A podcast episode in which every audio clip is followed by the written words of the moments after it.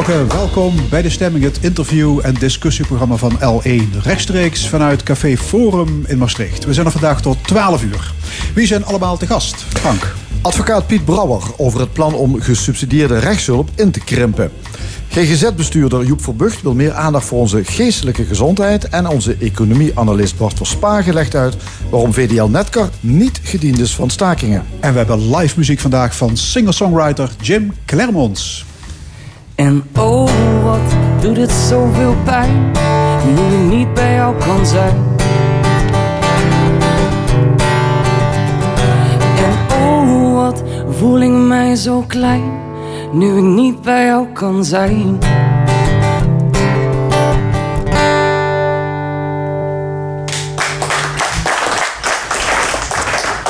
Minister Dekker wil het mes zetten in de gesubsidieerde rechtshulp. Tot nu toe kunnen mensen met een kleine beurs een advocaat krijgen die door de staat wordt betaald. Maar Dekker vindt al dat juridische gedoe niet wenselijk. Hij wil dat burgers zelf een oplossing zoeken. Dat kan door bijvoorbeeld maatschappelijk werkers of mediators in te schakelen. Goeie zaak, die uh, beoogde dejuridisering van de samenleving. Of is dit een ordinaire bezuiniging en een uitholling van de rechtsstaat? We gaan erover praten met Piet Brouwer, sociaal advocaat te Heerlen. Goedemorgen, welkom. Goedemorgen. Heeft u ook gestaakt? Uh, nou, ik heb niet echt gestaakt omdat ik toevallig zitting had. Oh, is dat, ja. de kern van staken is toch dat je dan alles Ja, neerlegt, nee, ik kan de mensen niet in de steek laten natuurlijk. Oh, ja. ja. Um, er is een, ik ondersteun dat wel uiteraard. U ondersteunt het wel, gelukkig, want daarvoor hebben we u ook ja. uitgenodigd. Ja, mensen die een probleem hebben, die moeten uh, veel meer hun best doen om dat zelf op te lossen. En het liefst buiten de rechter om. Dat is het idee van staatssecretaris Dekkers. Um, is dat in de kern niet een hele mooie boodschap? Dat je eigenlijk moet zeggen, ik ga niet naar Piet Brouwer, maar ik ja. zorg dat ik het op een andere manier principe, in principe is dat wel goed. Als mensen het zelf kunnen oplossen, dat werkt vaak ook beter. Maar heel veel mensen zijn daar gewoon niet toe in staat. En als het dan uh, met name gaat om uh, kwesties tegen de overheid... het gaat om uitkeringsrechten bijvoorbeeld... iemand krijgt geen bijstand... ja, hoe wil je dat als leek, terwijl je die van die hele wet geen snars begrijpt... hoe wil je dat zelf gaan oplossen? Daar heb je gewoon deskundigen voor nodig. Ja, de staatssecretaris is niet toevallig ook van de VVD. Die vindt nee, nee, nee, dat nee. burgers... Het is de minister. Uh, sorry. Uh, sorry. Uh, die vindt dat burgers zelfredzamer moeten worden. Dat is goed, daar mag naar gestreefd worden. Je ziet ook dat van alle kanten er meer voorlichting gegeven wordt aan mensen. Bijvoorbeeld bij de Belastingdiensten zie je hele pagina's met voorlichting. En hoop mensen zijn daarbij geholpen. Uh, ook uh, in die plannen van Dekker zit iets van meer voorlichting. Dat is, op zich is er wel iets voor. Maar heel veel mensen zullen dat gewoon niet uh, kunnen. Die zijn daar te beperkt voor. Er zijn veel mensen die ook moeilijk kunnen lezen.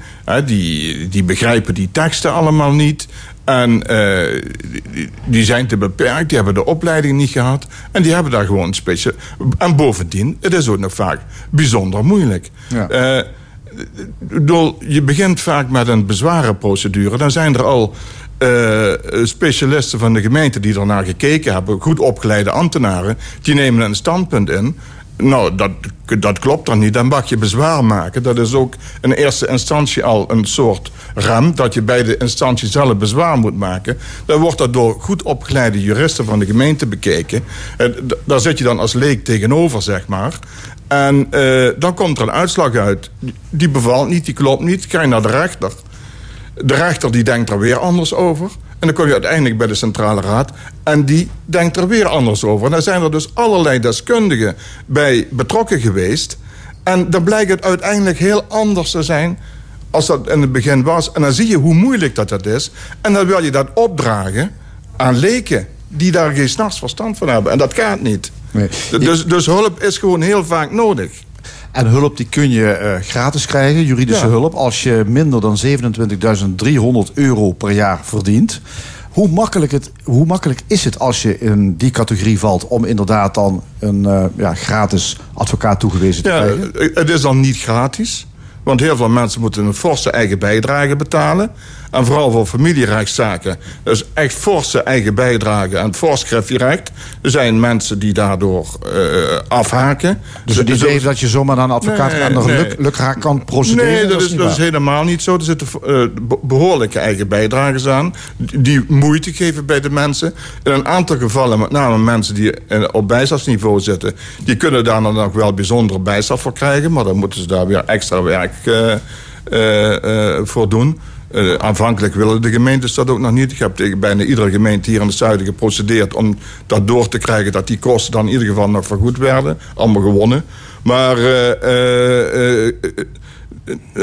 het is niet gratis. Ehm, en ja, wat was de vraag verder? Nou ja, de vraag is hoe makkelijk is dat? Om, nou, dat is, dat is niet, zo makkelijk. Nee, nee, nee. goed. Ah, het, het, kost, het kost jezelf een heleboel. Je moet zien dat je bij een advocaat terecht kunt. Vaak word je doorverwezen door maatschappelijk werk of door het juridisch loket. dus dan moet je al naar allerlei instanties toe om uiteindelijk bij een advocaat te komen. Soms ken je de advocaat en bel je hem gewoon, maak je een afspraak. Maar dan nog moet het voorgelegd worden bij het juridisch loket en aan de Raad voor Rechtsbijstand of het valt onder de gefinancierde rechtshulp. Dus er zijn allerlei regels voor.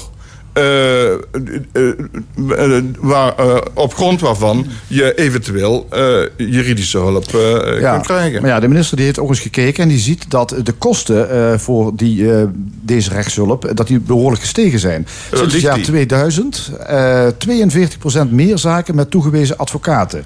Uh, in totaal kost dat hele stelsel ja, 350 miljoen per jaar. Waar, waar, waar, komt die stijging door, denkt u? Dat, is, dat zijn valse cijfers. Wat is er gebeurd sinds 2000? Zijn, de, de bevolking van Nederland is ontzettend uh, toegenomen. Er is ontzettend veel wetgeving uh, is erbij gekomen... met allerlei nieuwe beslissingen, allerlei nieuwe dingen... waar je rekening mee moet houden...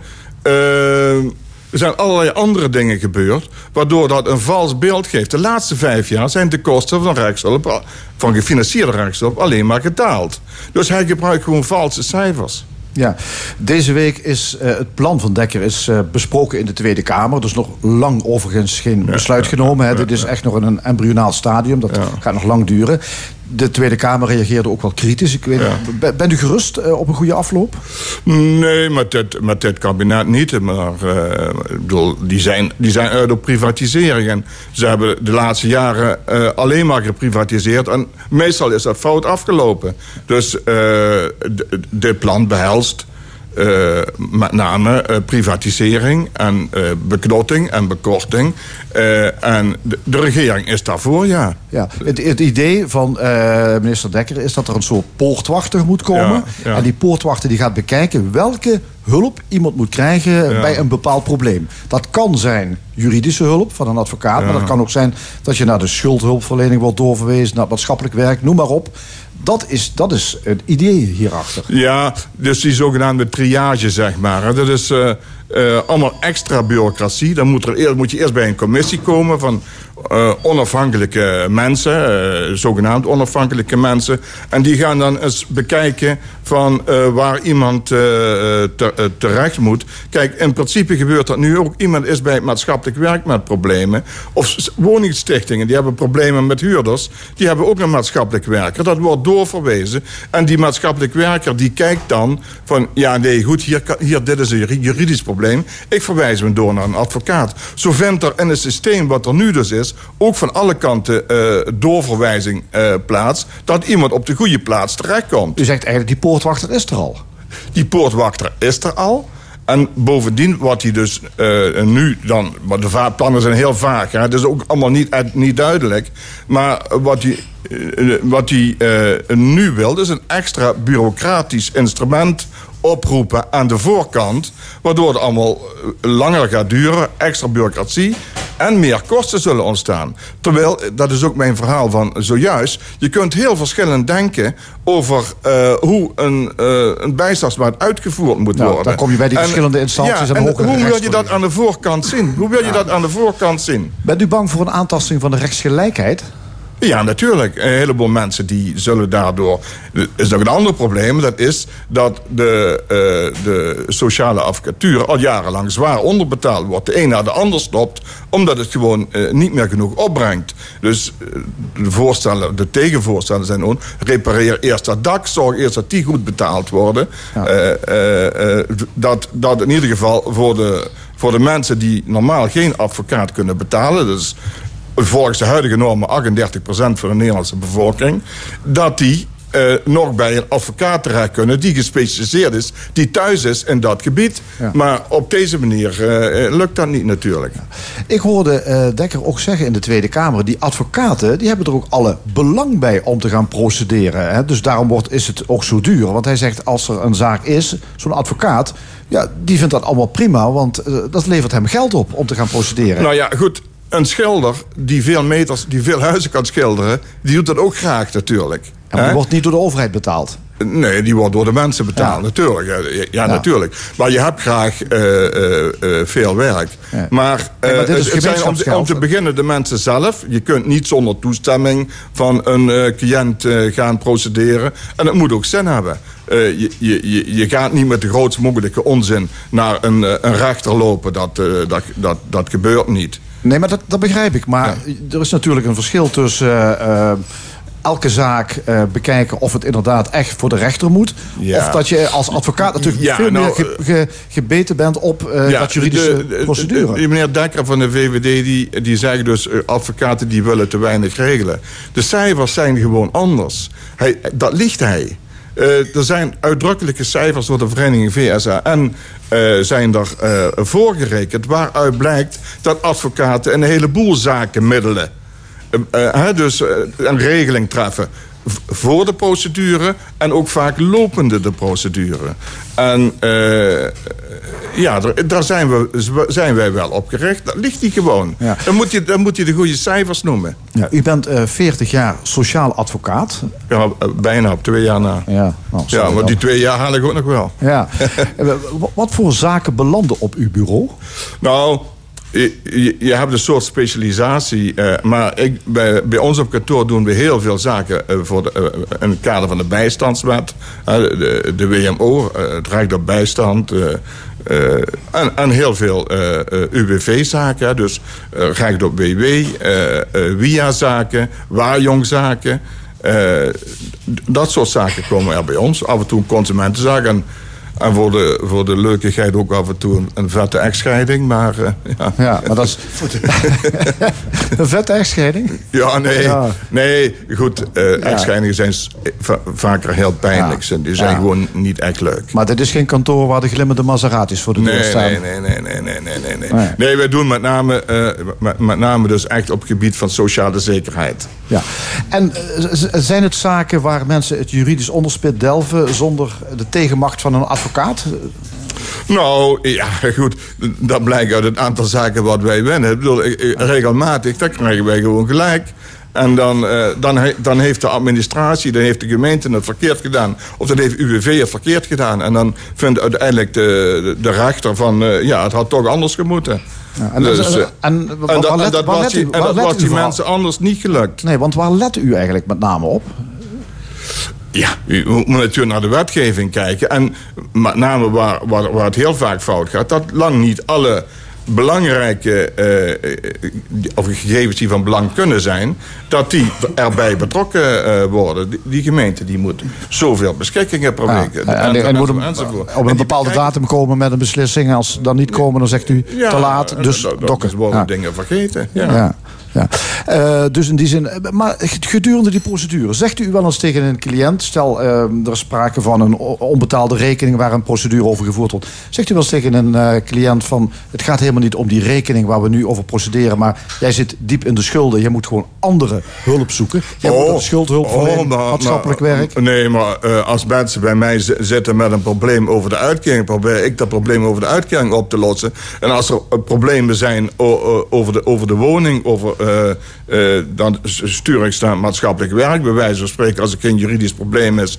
Of ik stuur ze naar schuldhulpverlening. Of zelfs, of komt ook regelmatig voor... dat iemand met een zaak komt eh, waar ik niet eh, helemaal thuis in ben... of die ik eh, niet wil doen. Hè. Bijvoorbeeld letselschade, die verwijs ik door, altijd door naar een letselschadeadvocaat. Die verwijs ik door naar iemand anders. Dus regelmatig verwijs ik mensen door. En ook regelmatig zeg ik mensen... ja, nu moet je stoppen en nu houdt het op en nu heeft het geen zin meer. Ja, tot slot, ehm, de president van de Hoge Raad, meneer Veterus, ehm, die zit ook in zijn maag met die plannen van, van Dekker. Ja, en die heel zegt, veel mensen. Ja, hij zegt, ik vrees dat mensen wel eens het recht in eigen hand kunnen gaan nemen als ze niet meer in staat zijn om te procederen. Dan komt zelfs onze rechtsstaat in gevaar. Dat Ja, gaat dat- wel enorm ver. Ja, dat klopt. Mensen die zitten vaak helemaal aan de grond. Is, ik heb dan mensen die afhankelijk zijn van een bijstandsuitkering. Die hebben niets. En die krijgen dan ineens niets meer. Omdat de gemeente meent dat ze de uitkering moeten beëindigen. Die kunnen dan de huur niet betalen. Die krijgen deurwaarders aan de deur. Mensen die worden daardoor helemaal eh, eh, confuus. En een aantal mensen zullen rare dingen gaan doen, ja. Dat, dat, ja, dat, dat, dat, eh, dat heb ik ook wel eens meegemaakt, ja. Ja. Nou, de, de race is nog lang niet gelopen. Er komt nog Nee. heel veel discussie over die plannen van eh, minister Dekkers. Eh, dus we gaan het eh, blijven volgen. En eh, als het weer zover is, nodigen we u opnieuw uit. Dank u wel. Piet Brouwer. Jo, bedankt. In de stemming vandaag muziek van singer-songwriter Jim Clermonts. Jim, welkom. Hey. En je bent 25, je komt uit Maastricht. 27. 27, oké, dan heb je mijn Oh, oude ziet eruit als gestuurd. Hij ziet 25. eruit als Ja, ja, ja. 22. Ik voel me nog 17. Dus. Ehm, Ik vroeg je deze week om een bio, zoals het heet. Ja, klopt. En toen kreeg ik een uitgebreid epistel over je leven. Ja, ja. Dat en klopt. je hebt eigenlijk al een heel leven achter de rug. Ja. Ehm, je was tot voor kort drugsverslaafd. Ja. En dat vanaf je vijftiende. Dat is wel heel vroeg, hè? Ja. Hoe ja. komt dat? Gooi maar even erin. Lekker zo. Ehm, ja, dat is wel heftig. Ja, ik weet niet, ik kon niet met mijn gevoelens omgaan. Eh, muziek heeft daar ook een hele grote rol in gespeeld. Ehm, ik kon dat niet ventileren.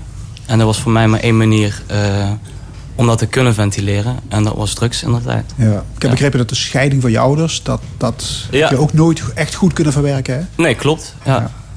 En wanneer kwam de gitaar in je leven? Eh, op mijn 14 of 15e, ik vergeet nog meer, ik was in het stiekem met het roken en toen had ik huisarrest gekregen. En toen moest ik eh, drie maanden binnen blijven en ik had dus niks te doen. En de vriend van mijn moeder die speelde altijd gitaar. En hij had twee liedjes die hij speelde. Dat was het zielige nummer en het vrolijke nummer. En ik was altijd zo geïntrigeerd op het moment dat hij gitaar speelde... dat ik zoiets had van, dit wil ik ook kennen. En ik had drie maanden huisarrest. Dus ik denk van, ja, dat is de perfecte tijd om dat te leren. En dat is gelukt ook. Dat is gelukt, ja. Hey, op je twintigste ben je er vandoor gegaan. Ja, klopt. Op de fiets. Op de fiets, ja. Wa- Waar ging de reis naartoe? Parijs. Ja, Gespeeld als st- straatmuzikant. Ja onder andere... Is, is dat minder romantisch dan het klinkt? Straatmuzikant te Parijs? Ik kan me herinneren toen ik Vizé uitfietste... dat ik echt keihard aan het huilen was. Dat ik dacht van waar ben ik in godsnaam mee begonnen. Maar ik weet wel dat ik het eerste bordje van Parijs zag op mijn fiets... dat ik echt zoiets had van ik weet waar ik het voor doe. Eh, ja, een overwinning, denk ik vooral. Dus eh, ja, was het romantisch. Spelen in de straten van Parijs was heel romantisch. De arrogantie van eh Parijzenaren en kroegen... Ik speel met mijn gitaartje op het podium. Was wat minder romantisch, maar het hoort er ook wel een beetje bij, denk ik. En s'nachts onder de brug? Eh, ik heb één keer een nacht geslapen op straat, ja. Ja, niet geslapen, dus dat eh, vond ik een beetje te eng. Maar eh, ja, het was wel, ja, tof. Ja, tof. En je kwam weer terug in Nederland. Ja, en toen vond je het mooi geweest. Ja. Hè, met die ruige levensstijl, inclusief het liegen en bedriegen. Je ging naar een afkikkliniek. Ja, klopt. En nu? En nu clean. Ja, ik ga nu een studie doen, eh, volgende week. Eh, ik doe nu vrijwilligerswerk momenteel en ik ben aangenomen om eh, stage te lopen en een studie te lopen. En dat ga ik doen. Ik ga kiezen voor mezelf, voor mijn eigen leven. Blijven ventileren met muziek en gewoon het aanpakken. Eén zin uit de bio. Muziek Ja. is mijn taal geworden om dit alles te kunnen verwerken. En vooral om mezelf te kunnen uiten. Amen, ja. Ja. En waarom Nederlandstalig? Ik heb altijd Engelstalig geschreven. Nederlandstalig komt dichter bij mijn, bij mijn hart, bij mijn gevoel. En het sprak mensen ook meer aan. Dus eh, toen ik dat doorkreeg, dat het niet alleen mij aansprak, maar ook andere mensen... heb ik ervoor gekozen om Nederlandstalig verder te gaan. Ja. Oké, hou je van optreden? Ja. Agenda gevuld voor de komende weken? Nee. Goed, mensen die interesse hebben, je hebt een eigen Facebookpagina. Klopt, ja. Oké. Jim, dank voor dit verhaal. Dankjewel. Je mag terug naar het podium. Yes. Eh, gitaar omgespen. Even goed gaan zitten op je stoel. Het eerste nummer is een uh, eigen nummer en is getiteld Voel me klein. Hier is Jim Clermonts.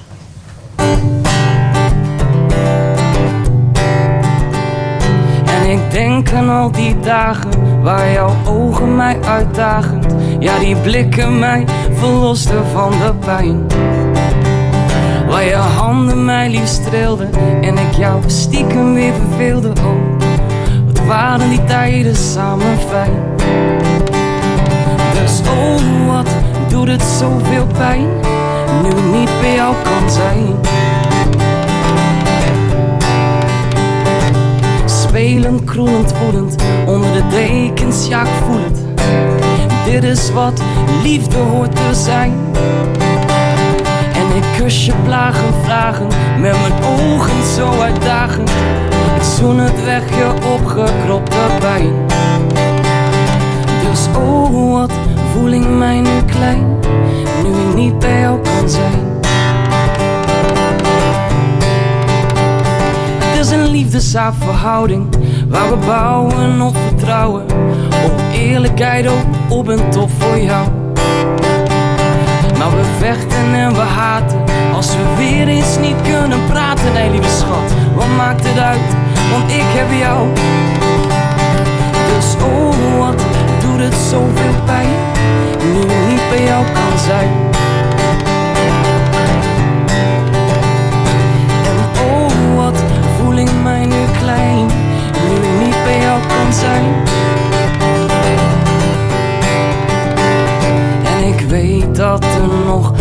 zoveel meer is. Maar een dag zonder jou en alweer dat gemis. Dan ik weet dat er in ons nog zoveel meer zit. Dus ik denk aan al die dagen waar jouw ogen mij uitdagend Ja die blikken mij verlosten van de pijn Waar je handen mij lief streelden En ik jou stiekem weer verveelde Oh, wat waren die tijden samen fijn. Dus oh, wat doet het zoveel pijn Nu ik niet bij jou kan zijn. En oh, wat voel ik me nu klein Nu ik niet bij jou kan zijn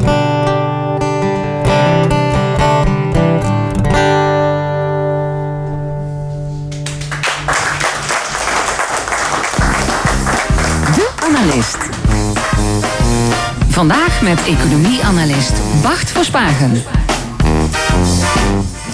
Bart, welkom. Goedemorgen. Onlangs eh, heeft eh, de rechter een staking bij VDL Netcar verboden... met als argument er zijn te veel risico's voor de werkgelegenheid. Het wacht is nog op het volledige vonnis, hè. dat komt eh, waarschijnlijk deze week. Ja, werkgevers en werknemers in de metaalsector liggen in de clinch over een nieuwe CAO. Waarom komt dit bij de rechter terecht? Ja, het komt bij de rechter terecht omdat uh, het voor die bedrijven echt wel heel moeilijk is. In dit geval voor VDL is het heel moeilijk om met die stakingen om te gaan. Hè. Natuurlijk, er is geen enkel bedrijf blij met een staking. Maar VDL in het bijzonder is een bedrijf wat heel zwak staat in de sector waar het opereert, in die auto-industrie. Het is een bedrijf zonder veel macht. Het moet luisteren naar zijn opdrachtgevers, bedrijven als BMW en voordat Netcar het overnam, of voordat uh, VDL het overnam, Mitsubishi. Dat zijn de bedrijven die de macht hebben in die sector. En VDL ja, kan daar alleen maar naar luisteren en moet die loonkosten die het heeft zo laag mogelijk zien te houden. Ja, dus, dus autofabrieken die concurreren elkaar op kosten. En dat is de reden waarom ze aan de ketting liggen van, van de opdrachtgevers. Ja, in het geval van VDL is het dus BMW. Um, daar ligt dus de echte macht? Ja, tegenwoordig zie je dat de auto-industrie, maar ook een heleboel andere sectoren, die zijn georganiseerd op een manier waarbij de productie in hele kleine stukjes is opgesplitst. En de bedrijven die de assemblage doen, die de dingen in elkaar zetten, dat zijn meestal de bedrijven die heel weinig macht hebben. Dat gebeurt op één plek.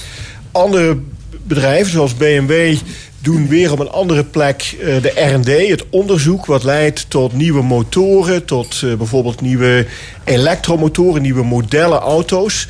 Is allemaal verspreid over de wereld, al die dingen in uh, aparte locaties. En daardoor ben je als bedrijf wel heel flexibel, maar uh, ja, moet je ook uh, aan de wetten van die uh, bedrijven met veel macht proberen te houden. Ja, dus, dus een autobedrijf is totaal opgeknipt, zeg jij. Van, van het eerste ontwerp tot en met het, het spuitwerk. Het is allemaal opgedeeld, ook fysiek. Dus in verschillende fabrieken. Ja, ehm, het is, vroeger was het zo dat een bedrijf als DAF, waar Netcar natuurlijk eigenlijk van afstamt, die deden alles. En die deden alles op één locatie bij Eindhoven. Maar tegenwoordig is het echt volledig verspreid over de wereld. Eh, BMW doet in, uh, in één plek uh, design van de auto's, de modellen, die komen daar van de tekentafel af. Op een andere plek ontwerpen ze weer motoren. Ze zijn natuurlijk bezig met elektrische auto's. Dat gebeurt weer op een andere plek. Uh, en de assemblage gebeurt in dit geval voor dit model dan uh, in Born bij, uh, bij Netcar. maar voor een ander model is dat weer heel ergens anders. Op een heel andere plek ja, in de wereld. En, en, dat is dus de reden waarom Netcar zo'n zwakke positie heeft... ten opzichte van opdrachtgever BMW. En vroeger van Mitsubishi, hè? Hetzelfde ja. verhaal eigenlijk. Ja, ja de, de, echte reden is dat zij dus op dat hele kleine stukje van, dat, uh, van die hele waardeketen gespecialiseerd zijn. En zij zijn net gespecialiseerd in dat stukje waar je heel weinig te vertellen hebt. Omdat ja, er zijn uh, natuurlijk een heleboel bedrijven die die assemblage voor hun rekening kunnen nemen. Terwijl dingen als het ontwerpen van zo'n model, het ontwerpen van een nieuwe motor, ja, dat is iets waar je wel de macht mee haalt. Want dat kan niet iedereen. Een auto in elkaar zetten, daar is Netcar heel goed in, daar is VDL heel goed in. Maar er zijn wereldwijd een heleboel andere bedrijven die daar ook goed in zijn. En uh, daar moet je dus mee concurreren. Ja. En het DAFje van vroeger, met zijn beroemde Variomatic... die werd in zijn geheel in, in Eindhoven gemaakt, hè? Ja. Maar dat, dat is waar eenmaal. Ja, dat is echt iets uh, wat nu niet meer zo is. Hè. We zien het uh, een heleboel, bedrijf, een heleboel bedrijfstakken zien we dat gebeuren.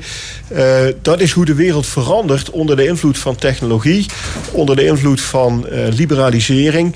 Ja, vroeger moest je dat allemaal bij elkaar zetten, want ja, je moest met elkaar communiceren. Nu communiceer je wel met elkaar, maar dat kun je op afstand met uh, allerlei moderne ICT-middelen, videoconferencing, et cetera. En daardoor kun je die uh, productie opknippen in die hele kleine stukjes. Ja. Ja, jij zegt alles is opgesplitst hè, in die zogenoemde productieketens, want dat is efficiënter en dus goed voor de winst. Wie profiteert het meest? Wie het meest profiteert, dat zijn degenen die de waardevolste uh, stukken van die keten hebben. En dat zijn de bedrijven met de kennis uh, om nieuwe dingen te maken. Uh, dat, dat zie je bij BMW, bij andere autobedrijven. Nieuwe modellen, modellen die mensen graag willen hebben om in te rijden. nieuwigheden zoals efficiënte elektrische auto's. Als je daar de kennis over hebt, dan kun je het grootste stuk van die waarde naar je toe trekken. en dan kun je je arbeiders ook redelijk goed betalen. Ja, dus dat zijn de bedenkers en de, en de ontwerpers. Ja, die, die, uh, ja. ja. ja. De, dus Netcar hier in Limburg, dat is een assemblagefabriek. Um, kun je daarop sturen, bijvoorbeeld als overheid? Zou je, hè, want we horen net eigenlijk, de macht ligt bij de, de, plekken waar de kennis ligt. Kun je als overheid daar iets in betekenen? Dat uh, je kunt denken van, we willen misschien die fabriek op een andere soortige manier inrichten? Ja, je kunt als overheid uh, stimuleren dat die bedrijven zich meer gaan richten op het ontwikkelen van kennis. Ik denk niet dat dat bij VDL uh, nu zo relevant is. Dat, dat is een brug te ver wellicht. Maar uh, je kunt wel proberen om andere bedrijven die die kennis wel hebben...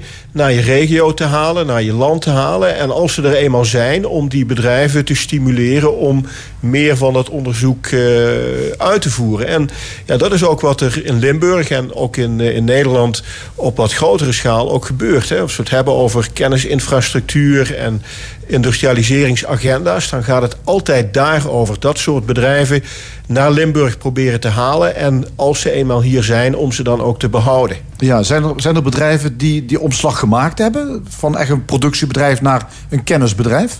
Ik denk dat DSM een heel goed voorbeeld is. Uh, DSM heeft... Uh, ja, een tijd geleden besloten dat ze zich zouden gaan richten op de stukken van hun sector, de chemie, waarin je die kennis kunt toepassen, ontwikkelen van nieuwe producten waar veel waarde in zit. En ze hebben ook heel bewust de stukken van hun bedrijf waar die waarde minder groot is, afgestoten en verder gegaan met, uh, met die kennisintensieve productie. En ja, dat is voor DSM heel goed gelukt. Ja, DSM dat was ooit bulkchemie, de naftakrakers, dat, dat grote ruige werk. Ze, ze doen dus nu iets heel anders. Ja, ze zijn nu eh, gericht op eh, allerlei ja, specialty chemicals. eh, ook modieuze dingen vaak. Specialty chemicals. Ja, allerlei eh, specifieke stoffen die je gebruikt in medicijnen bijvoorbeeld. Of eh, die mensen gebruiken om hun gezondheid te verbeteren. Eh, dus echt hele specifieke producten waar, eh, waar veel kennis in gaat om ze te ontwikkelen. En waar je dan ook het alleenrecht op kunt krijgen om die producten te, te verkopen. Ja, dus het bedenken en het ontwikkelen, want daar zit de, kennis in en daar, dat levert geld op.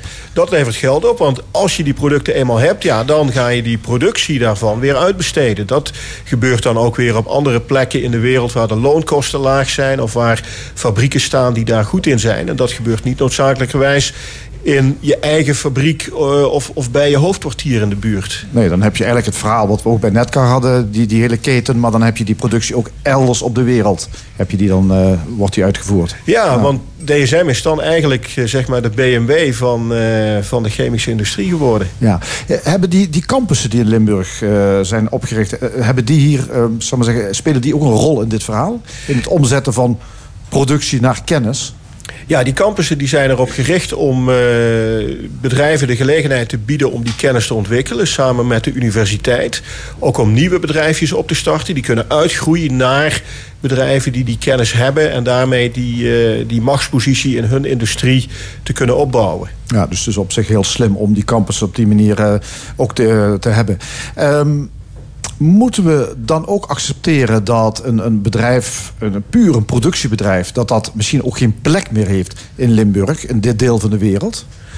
Ja, ik denk dat. eh, En Netcar is dan dus een voorbeeld. Ja, nou, ik denk dat dat tot op zekere hoogte zeker zo is. We zien ook dat eh, een heleboel van die bedrijven al verdwenen zijn. Maar ik denk niet dat ze voor altijd en helemaal zullen verdwijnen. Want je ziet dat een bedrijf als VDL is heel goed in het organiseren van die fabrieken. Heeft ook kennis om die productie efficiënt te doen. Dus die kunnen wel mee in die, in die concurrentiestrijd met andere bedrijven. Dus daar zit ook zeker wel waarde aan. Maar het, het is een ander spel dan dat spel met die kennis wat DSM en andere bedrijven spelen. En, en waarom is het toch belangrijk? Ja, natuurlijk, er werken mensen, dat begrijp ik ook. Dus dat is, maar waarom wil je die bedrijven toch, moeten die toch ook hier blijven? Nou, omdat inderdaad, zoals je zegt, er werken mensen. Er werken ook mensen met een heel specifiek profiel. Hè. Niet iedereen is geschikt om eh, in een hoog int- kennisintensieve eh, eh, omgeving te werken. hè. En ja, Netcar is een bedrijf dat toch voor een belangrijk deel van de Limburgse beroepsbevolking eh, een baan biedt, eh, loon biedt. Maar ja, je moet dan wel zorgen dat die mensen ook wel fatsoenlijk betaald worden. Dat ze goede arbeidsomstandigheden hebben. En dat is een strijd die de bonden zullen moeten voeren. En waar ze zelf zullen moeten kijken wat precies de afweging is. Hè. Hoe ver ga je met die stakingen? Eh, wat wil je wel of niet accepteren? En als die bond en dat bedrijf daar samen kunnen uitkomen... dan heeft dat soort werkgelegenheid wel degelijk een plek ook in Limburg. Want hoe gevaarlijk is het als gestaakt gaat worden bij Netcar? Is het inderdaad denkbaar dat BMW dan zegt van... wij draaien de knop om, eh, dit was het? Ik denk dat dat wel reëel is. Ik, ik wil niet zeggen dat het met deze ene staking die er nu dan wel of niet zou komen, dat daarmee meteen de knop omgaat. Maar als het zo is dat op de langere termijn die arbeidsrust hier niet gegarandeerd is, dan zal het zeker zo zijn dat BMW op termijn, en dat is ook niet iets wat ze morgen zullen beslissen, maar wel op termijn van, eh, van enkele jaren zal besluiten om toch naar een andere locatie uit te wijken om dat specifieke Maar, in Duitsland wordt er veel en veel meer gestaakt dan in Nederland.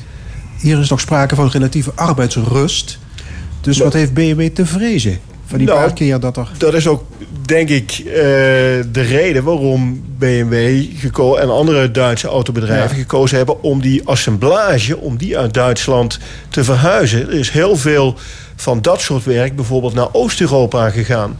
En dat Nederland daar ook één partner in is, ja, dat, dat is natuurlijk prima, Limburg specifiek. Maar een heleboel van die assemblageactiviteiten die zijn uit Duitsland verdwenen. Dus daar zie je dat precies. En ja, voor die, die werkgelegenheid die dan overblijft, ja, daar, eh, daar wordt niet zoveel gestaakt. Dat zijn mensen die goed betaald worden. Dat kan BMW zich ook veroorloven om precies die kennisintensieve werknemers goed te belonen. Oké, dankjewel. Eh Bart Verspagen, economieanalist van ons. U luistert naar L1. Meer speciaal met de stemming. Zometeen Joep Verbucht. Hij vindt dat te veel mensen worden geplaagd door psychische problemen en pleit daarom voor drastische maatregelen. Maar eerst singer-songwriter Jim Clermons. Dit is zijn lied Laat maar los.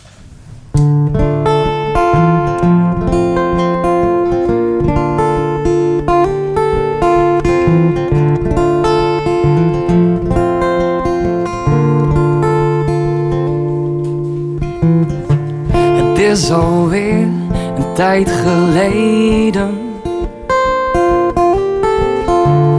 Dat je jezelf weer herkent. Je spiegelbeeld toont je Wat je al die jaren hebt verzwegen. Voor jezelf nooit erkend. Dus je leert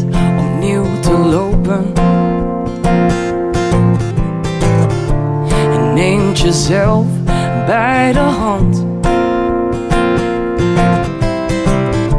Stap voor stap. En ook al lijkt het haast niet te geloven. Je bewandelt het juiste pad. Dus laat maar gaan, laat maar los. Laat maar waaien in Dit gevecht met jezelf kan je niet winnen.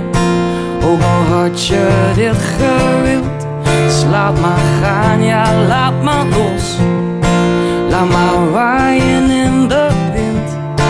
Dit gevecht met jezelf kan je niet winnen. Ook al had je dit gewild.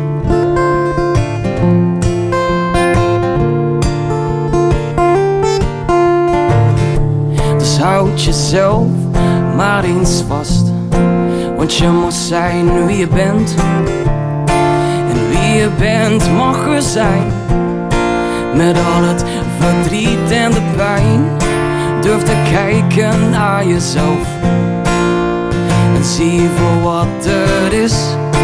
Onvolmaakt, maar in herstel. Weg naar jezelf.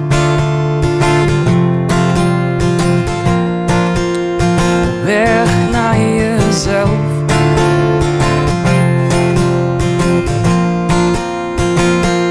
Dus laat maar gaan, laat maar los.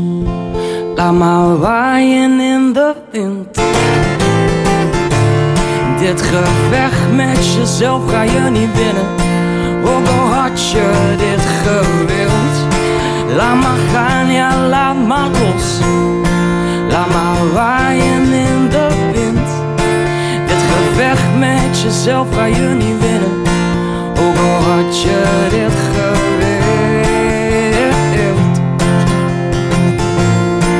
Ook al had je dit gewild.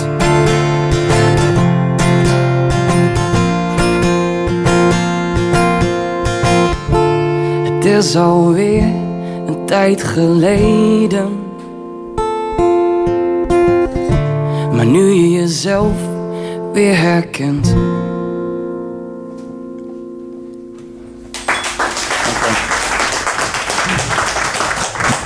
Jim Clermons met Laat maar los. Het laatste onderwerp vandaag in de stemming, want we zijn er voor deze keer maar tot 12 uur. De samenleving is hoog nodig toe aan een nieuwe mentaliteit. En dat kan alleen bereikt worden door een betere geestelijke gezondheid. Want als mensen goed in hun vel zitten, is de kans groot op een wereld met meer persoonlijk geluk en veiligheid en minder geweld en criminaliteit. Dat is de boodschap van het pas verschenen boekje Pleidooi voor een mentaal offensief. Dat is geschreven door Joep Verbucht, bestuursvoorzitter van een GGZ-instelling in Eindhoven. En hij is onze volgende gast. Meneer Verbucht, welkom. Dank u wel. Eh, het boekje telt 14 bladzijden. Mag ik het een pamflet noemen? Ja, het is een boekje, een pamflet, een manifest. Ja, dat mag je zo noemen. Ja, ik, heb, ik had de indruk dat u dringend stoom moest afblazen. Nou, dringend. Eh, het is een beetje een verzameling van zaken waar je al een tijd mee rondloopt... en waarvan je denkt, nou, het is goed om eens een keer op een rijtje te zetten.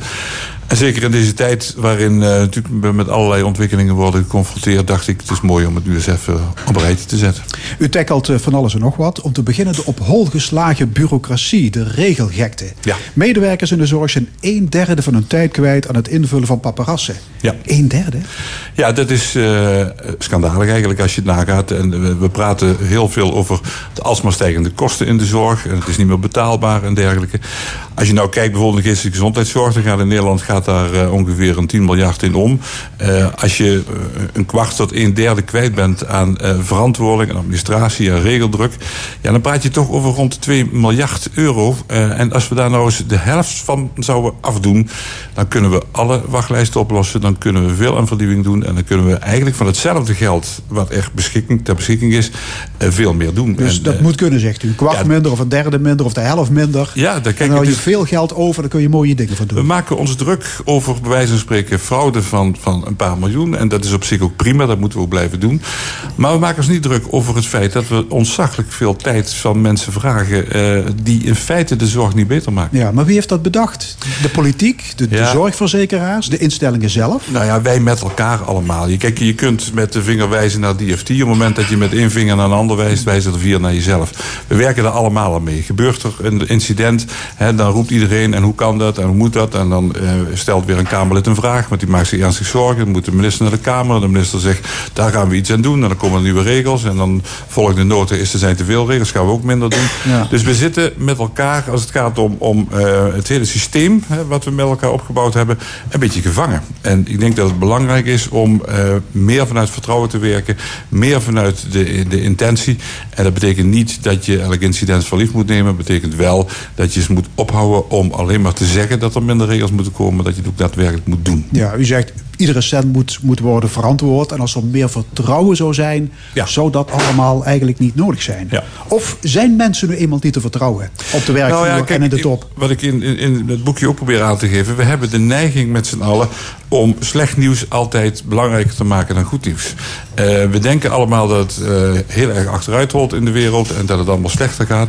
Maar als je naar de laatste decennia kijkt, dan zien we toch, er is minder armoede, er is minder geweld, er zijn minder oorlogen. En er is een langere eh, levensduur, dus de gezondheid, lichamelijke gezondheid neemt toe.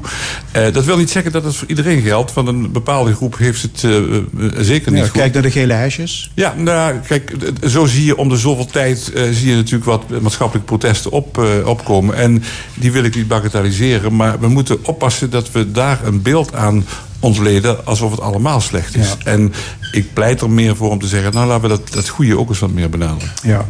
Ehm, ja, Jan en Alleman vindt dat die administratie minder moet. U schrijft het tegenovergestelde gebeurt. Ja. De lasterdruk wordt steeds hoger. Ja, ja.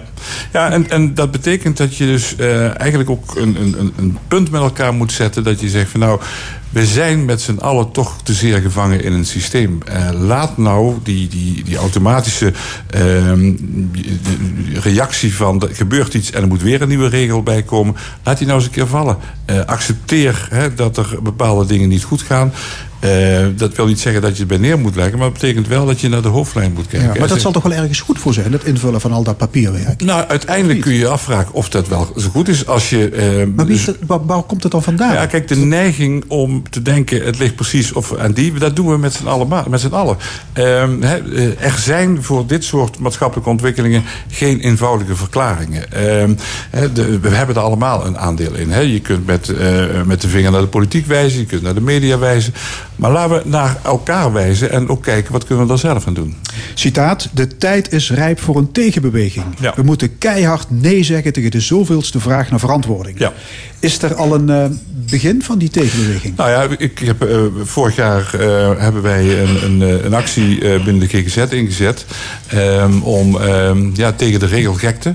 Ehm, er werken ongeveer 80.000 mensen in Nederland in de geestelijke gezondheidszorg. We hadden binnen drie weken hadden we 160.000 eh, handtekeningen verzameld. Ehm, dus je ziet in alle, en overigens niet alleen in de GGZ, maar je ziet het ook in, in, de, in de ziekenhuiswereld, in de gehandicaptenzorg, in de jeugdzorg. Ehm, daar moet toch echt ook weer eh, de vinger komen bij. Ja, en- de minister heeft er volgens mij ook in de gaten. Ja, dat het, er punt moet. is dat ze dat ook allemaal direct zeggen. Hè? En de minister heeft ook gezegd, we- we gaan met die regeldruk Ja. aan aan de slag. Nou, we hebben nu ehm, een aantal plannen gemaakt. En wat je ziet is dat er eh, als we niet heel erg consequent sterk erop blijven drukken, dat de neiging is om het tot het zoveelste noodje te maken wat ehm, ja, met ja wordt beantwoord en niet met de hand wordt uitgevoerd. Een ander hoofdstuk van uw boekje gaat over de kwaliteit van de zorg. Eh, u heeft zich als bestuursvoorzitter afgevraagd of uw vrienden eh, of familie naar uw eigen instelling zou doorverwijzen, mocht dat nodig zijn. En dat is uw antwoord. Bij een aantal afdelingen zeker, bij andere afdelingen zeker niet. Ja. Een hoogst opmerkelijk antwoord. Nou ja, dat heb ik me afgevraagd toen ik bij GGZ Eindhoven ging werken. Dacht ik van, nou, eh, als ik kijk, hè, een groot psychiatrisch uh, ziekenhuis. Uh, hoe gaan wij nou daar met die mensen om? Hè? Er werken iets van, van, van 23, 2400 mensen. Hoe kun je als bestuursvoorzitter daar het verschil in maken? En ja. dan denk ik dat het toch begint met...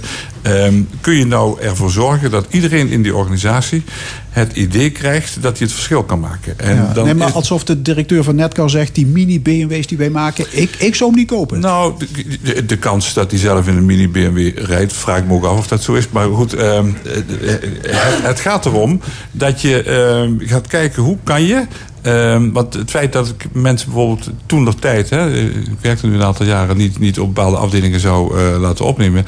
Dat had met allerlei dingen te maken. Kon je niet simpelweg zeggen dat ligt over die en die. Dat had met huisvesting te maken, had met uh, de inrichting te maken, had met de wijze hoe uh, de zorgvormgeving ja. te maken. En had ook, heeft ook te maken met zijn die mensen die dagelijks op die werkvloer staan, hè, die met die complexe psychiatrische problematiek vaak ook te maken hebben. Ja, voelen, die, voelen zij zich voldoende ondersteund? Voelen zij zich voldoende mm. ook... Uh, hebben, hebben mensen tegen u gezegd van Bucht, wat, wat heb je me daardoor opgeschreven?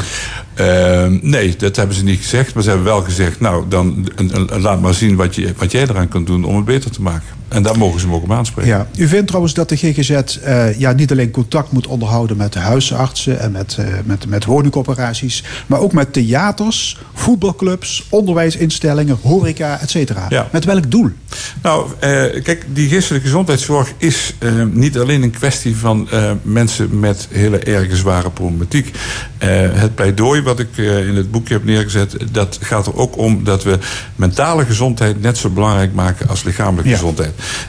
Vier van de meest voorkomende ziektes in Nederland zijn psychisch van aard. Dan gaat het om angst- en stemmingstoornissen, om verslaving, om dementie. En, en, en, u vindt dat trouwens ook te gek voor woorden, hè? Nou ja, hoe wij ermee omgaan. Kijk, je zou in feite veel meer en veel eerder aandacht aan mentale gezondheid moeten, uh, moeten schenken. Uh, waarom geven we kinderen uh, gymles? Waarom geven we ze muziekles? Waarom geven we ze verkeersles? En waarom geven we ze geen, geen, geen mentale gymles? Hoe ga je wat, wat is dat, mentale gymles? Hoe ga je met jezelf om? Hoe leer je als het ware met anderen omgaan? Um, probeer nou, ik heb, ik, ik, heb het voorbeeldje genoemd. Ik was in, in, Amerika, in, in, Baltimore, in een wijk waar in ontzaglijk veel criminaliteit uh, voorkwam. En daar hebben ze op een, op een, op een school hebben ze uh, mindfulness in geïntroduceerd, waarin alle leerlingen 10 minuten per dag Um, als het ware een soort mindfulness kregen. Uh, even moesten nadenken. Uh, even uh, tot tien zouden moeten tellen voordat ze iets zouden doen. En je zag naar de hand dat de criminaliteit in die wijk... waar die kinderen dan bij betrokken zouden dat het aanmerkelijk verbeterde. Dus ook de wijze waarop wij ons kunnen concentreren... ook in werksituaties... die is steeds meer aan het aflopen. Ja, u, u, wilt toen naar grootschalige mentale preventieprogramma's... op scholen, ja. bedrijven, instellingen, in de wijken... Hoe ziet u dat voor zich? Nou, het is helemaal niet zo geweldig moeilijk. Kijk, uh, uh, als je zegt, nou, mentale gymles noemde ik net even. Uh, we weten allemaal, we hebben een schijf van vijf als het gaat om, om voeding. Er zijn ook allerlei modellen voor mentale schijf van vijf. hoe ga je met relaties om? Hoe ga je met emoties om? Ehm, wij hebben allerlei hele concrete doelstellingen als het gaat om CO2-uitstoot of verkeersdoden verminderen. Maar we hebben, als het gaat om uh, tegengaan van kindermishandeling, uh, tegengaan van suicides, uh, criminaliteit, hebben we die concrete doelen niet. Nou, waarom gaan we daar niet? Dus de politiek zou op dat vlak ook concrete doelen moeten stellen. Ja, als je ja, kijkt, ja. suïcide onder jongeren is de doodsoorzaak nummer één.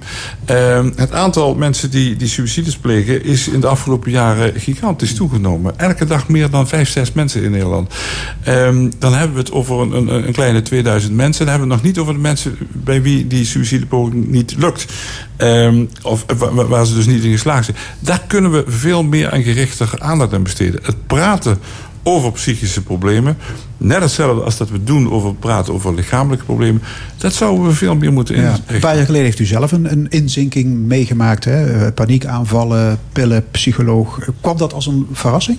Dat kwam voor mij als een behoorlijke verrassing. En eh, dat is ook de reden dat ik het, het, het, het, het pamflet ermee begin. Om te laten zien van, ehm, dat is heel vervelend. Ehm, zoals het ook vervelend is als je bij wijze van spreken een, een, een, een, een nieuwe knie moet, eh, moet hebben. In het laatste geval ehm, praat iedereen erover, vraagt iedereen hoe het er is. In het eerste geval eh, schamen we ons ervoor, we willen er niet voor uitkomen. Terwijl dat nou net zo belangrijk is. Want hoe meer we over dit soort eh, zaken praten. En iedereen in Nederland heeft daar wel mee te maken. Een miljoen mensen in Nederland eh, die slikken eh, vormen van of, me- medicatie voor antidepressiva of angst- en stemmingstoornissen. Daar moeten we meer over praten, Ja. opener maken. Maar dit pleidooi voor wat u noemt een, een mentaal offensief. Hè? Zou u dat ook gedaan hebben zonder die persoonlijke crisis? Ja, die boodschap die, die hebben we al vaker gegeven. Maar je merkt dat als je ehm, daar eh, als het ware een, een persoonlijke ervaring bij zet... dat dat gelijk ook veel meer de aandacht eh, trekt. En dat eh, men het dan toch blijkbaar bijzonder vindt... dat je eh, daar ook open over bent.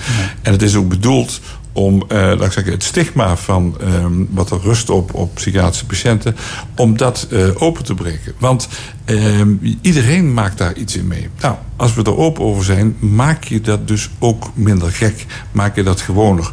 En de kans dat je dan, als het ware, daar ook eh, eerder in opgevangen wordt, meer dingen mee kunt doen, is dan nog groter.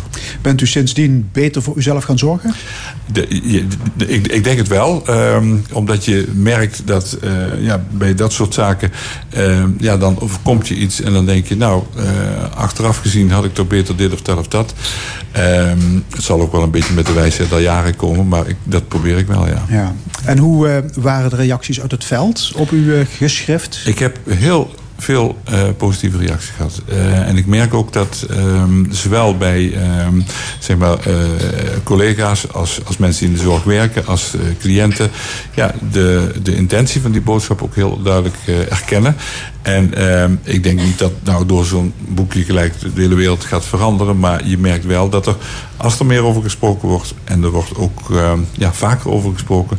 dan komt dat ook wel dichterbij. Ja, het, is allemaal helder opgeschreven. U gebruikt geen wollige taal.